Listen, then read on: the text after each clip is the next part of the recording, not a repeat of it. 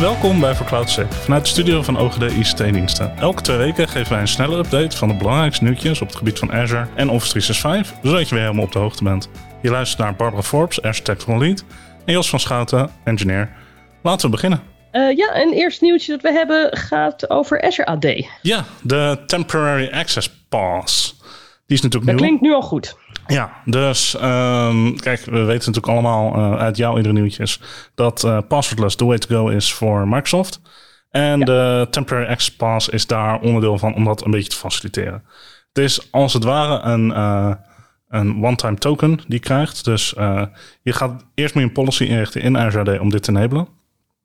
En dan kan je dit toekennen aan users. En dan zeg je bijvoorbeeld, hey Barbara, jij krijgt een tab en die is een uur geldig of twee uur geldig. En die mag één keer gebruikt worden. En die kan je dan gebruiken om te authenticeren met je account. En dat is dus niet je wachtwoord, dat is een aparte mm -hmm. one-time token. En daarmee kun je dus bijvoorbeeld je telefoon registreren voor MFA. Super makkelijk voor nieuwe gebruikers. Je vult ja. je e-mailadres in en uh, je vult die uh, THP in. En bent ready en je telefoon is MFA geregistreerd. Super mooi. Dus zeker bij passwordless betekent het dat uh, je mensen nauwelijks een paswoord hoeft toe te wijzen en geen gedoe met tijdelijke paswoorden. Nee, dit is gewoon je tijdelijke. Het is één keer geldig of twee keer. Dat kan je allemaal configureren. Het is een dag geldig of een week. En uh, dit is je manier om je device te enrollen dan. Of te, te authenticeren met je account. Dat klinkt ook wel veiliger dan zeg maar als je stel dat je je MFA kwijt bent.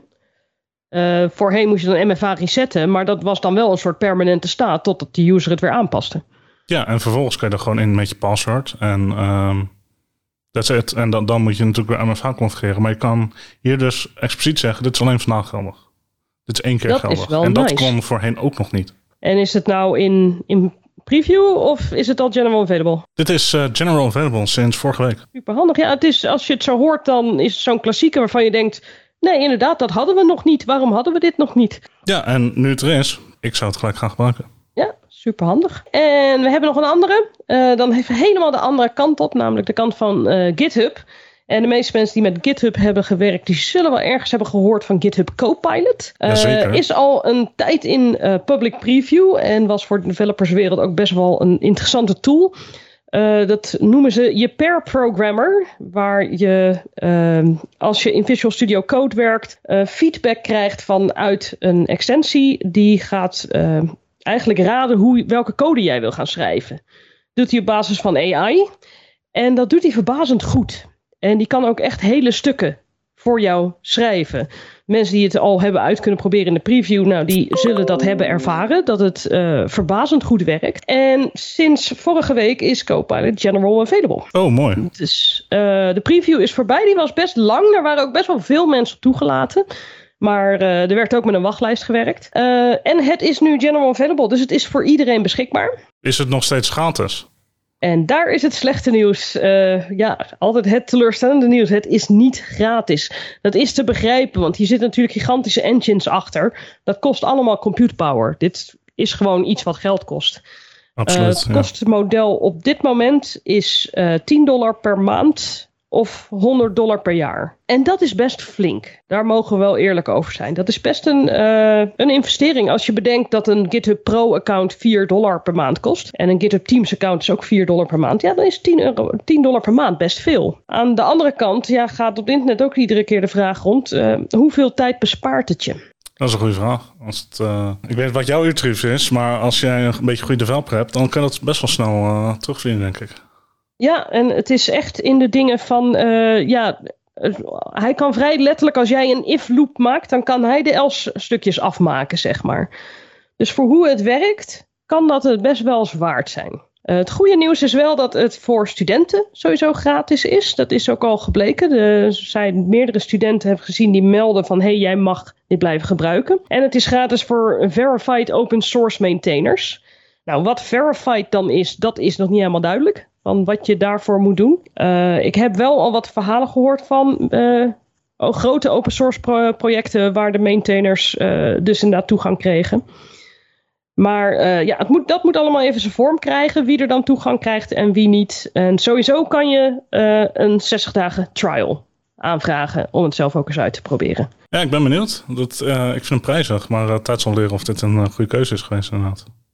Ja, precies. Zal zijn uh, plek vinden. Maar het is een erg leuke tool en het is uh, leuk dat hij nu echt beschikbaar is. Alright. Ja, leuk nieuwtje. Dan uh, heb ik nog een nieuwtje, of nou, eigenlijk twee nieuwtjes over Microsoft Defender. er is een nieuw lid in de Microsoft Defender familie, namelijk Microsoft Gezellig. Defender voor Cosmos DB. En dat is... Ook zo eentje waarvan je verbaasd bent dat hij er nog niet was eigenlijk. Ja, dus dat is mooi. Die is aangekondigd en uh, daar gaan vast wel uh, vervolgnieuwtjes uitkomen. Maar waar ik het eigenlijk wel over wil hebben is een nieuw uh, nieuwtje in de gewone, of de standaard vanilla Microsoft 365 Defender. het gaat namelijk over CV's. Want er komen natuurlijk superveel CV's uit. Elke mm -hmm. week, elke maand moet je toch weer door, door zeker de high highs van oké, okay, raakt dit mijn omgeving? De security updates bedoel je? Ja, raakt het mijn omgeving? Um, wat moet ik ermee? Um, je hebt dus nu in Microsoft 365 Defender. Uh, kon je dat uh, in de public preview kon je dat al zien voor uh, dingen die jouw systemen raakten? Maar als ze jouw systemen niet raakten, ja, wacht ik dan nog op dat Microsoft het publiceert? Want als vandaag een CV gepubliceerd wordt, ja, is Microsoft er helemaal bij. Dat weet ik niet. Ja. Alle CV's die staan nu gepubliceerd in Microsoft 365 Defender. Dat betekent dus als er een uh, CVE is uh, die geen security patch nodig heeft, dan staat die er mm -hmm. ook. Je hebt gewoon ja. één overzicht van alle security dingen waar je kan zien van oké, okay, welke actie moet ik erop ondernemen. Je hebt dus één overzicht waar je ziet van oké, okay, dit is geraakt op Linux, dit is geraakt op Windows 10 of uh, Server 2016 of Exchange, maakt niet uit. Je ziet welke updates daarvoor applicable zijn. En je hebt een heel mooi tabblad waarvan je kan zien van oké, okay, welke van mijn systemen zijn nou affected. Dat kunnen internal devices zijn, dat kunnen VM's zijn in Azure. Je hebt één plek om al dat soort dingen te kunnen zien. Ook als je niet geraakt wordt, elke CVE kun je inzien. En dat is toch wel heel fijn voor uh, de gemiddelde systeembeheerder. Ja, en dat je dus in één keer een goed overzicht ja. kan krijgen. Ja, en vooral dat je weet waar er eventueel iets in je omgeving nodig is. Ja, en als er dan inderdaad iets op nieuws is van oh shit, laten we even kijken. Wat is de impact op mijn omgeving? In twee minuten heb je een antwoord. Ja, dat scheelt heel veel tijd. Van het heel veel het uitzoeken. Hoe zit het allemaal? Waar gaat, moet het allemaal naartoe? Welke impact heeft het en wat moet je ermee gaan doen? En hoe snel en hoeveel paniek moeten we nou eigenlijk hebben? Absoluut. Vooral dat laatste is uh, uh, de vraag die nu natuurlijk veel gesteld wordt. Ja, zeker. Ja, we zien er meerdere de laatste tijd. Nee, dat is uh, super. Is dit al is dit voor iedereen beschikbaar? Yes, dit is voor iedereen beschikbaar. Nou, je moet Microsoft 365 Defender hebben. Maar ja. ja, dit is voor iedereen verder beschikbaar als je het product hebt, dan kan je erbij. Ja, uh, nu ja, dus in public preview. Dus we gaan ervan uit dat het gewoon blijft. Nou, super. Uh, zullen we het security lijntje even doorpakken? Oeh, ja, want ik hoorde uh, dat er een nieuwe certificering was. Er is weer een nieuwe certificering. Een nieuwe certificering in de SC-familie. Oftewel de security certificaten. daarin hebben we nu Cybersecurity Architect. Oftewel SC100. Um, met SC100 ga je dus over het ontwerpen van het security design op basis van Zero Trust. Dus alle elementen daarvan, wat ik aan de omschrijving uh, zag, klonk het best wel uitgebreid. Maar het gaat dus om echt het ontwerp kunnen maken, het koppelen van het ontwerp aan de hand van de businessstrategie, uh, een veiligheidsbeleid schrijven, zeg maar. Waar alle andere security certificeringen nog wat praktischer gericht zijn, is dus dit echt uh, op architectenlevel. Ja, dit is best wel hoog over, klinkt het. Uh, ik heb hem zelf nog niet uh, voor geleerd, want hij is volgens mij gisteren echt officieel aangekondigd. Uh, of nee, vorige week. Vorige week is hij officieel aangekondigd. Uh, dus hartstikke nieuw. Volgens mij is hij wel al direct uit beta, dus je kan gewoon je ding gaan doen. als je die SC100 wil doen, dan moet je die hebben en daarnaast een van de andere security certificeringen. Oftewel SC200, SC300, AZ500 of MS500. Oké, okay. die, uh, die familie van uh, certificaten, check. Ja, en dit is dus het, het opvolgcertificaat daarop, waar dus de SC's echt op security gericht zijn en de, nou, de AZ500 en de MS500 uiteraard de security voor Azure en de security voor uh, Microsoft 365 zijn.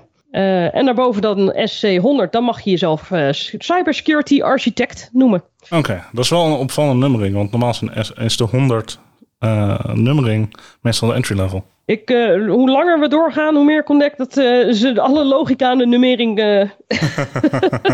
aan het laten vallen zijn. Dat snap je ook wel van ja, waar Zeker. moet je dan nog naartoe?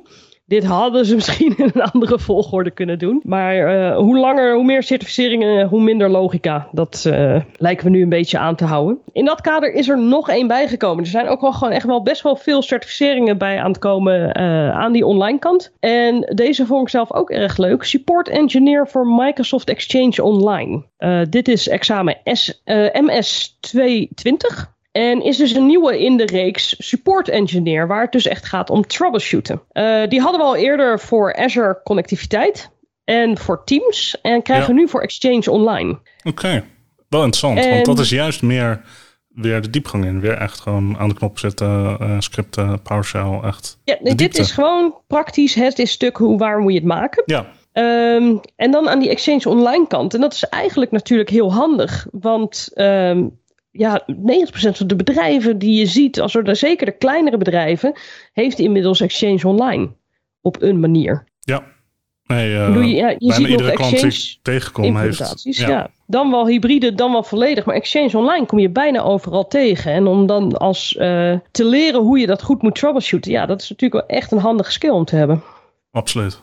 Nou, er zijn van allebei de certificeringen die nu dus uitgekomen zijn, zijn blogposts erbij geschreven over wat ze inhouden en voor wie ze zijn. Eh, en de Microsoft Learn Path worden er weer bij gemaakt. En de Microsoft Learn Path eh, van de nieuwe certificeringen zie je dat dat eh, eigenlijk wat, waar je voorheen een boek bestelde, kan je die nu volledig op Microsoft Learn eh, vinden. Eh, dat betekent dat je even anders moet instellen. Want Microsoft Learn is over het algemeen heel praktisch. Eh, maar als het dus voor een certificering is geschreven, dan wil het nog wel eens best wel statisch zijn. Als in gewoon droge stof waar je doorheen moet. En dat het gewoon feitjes zijn die je hoort te kennen. Dus dat is even omschakelen. Maar het is wel heel erg handig dat het gewoon zo vrij beschikbaar is. Absoluut. Ja, mooi. Goed, eh, goed nieuws weer. Nieuwe certificeringen. We zullen dit allemaal eh, linken in de show notes, uiteraard. Alright. Ehm, dan hebben we als afsluiting nog een, eh, een loting. Eh, want we hebben met OGD ICT-diensten op twee beurs gestaan de afgelopen twee weken. Dat was ehm, Ja. Future Tech, volgens mij vorige week.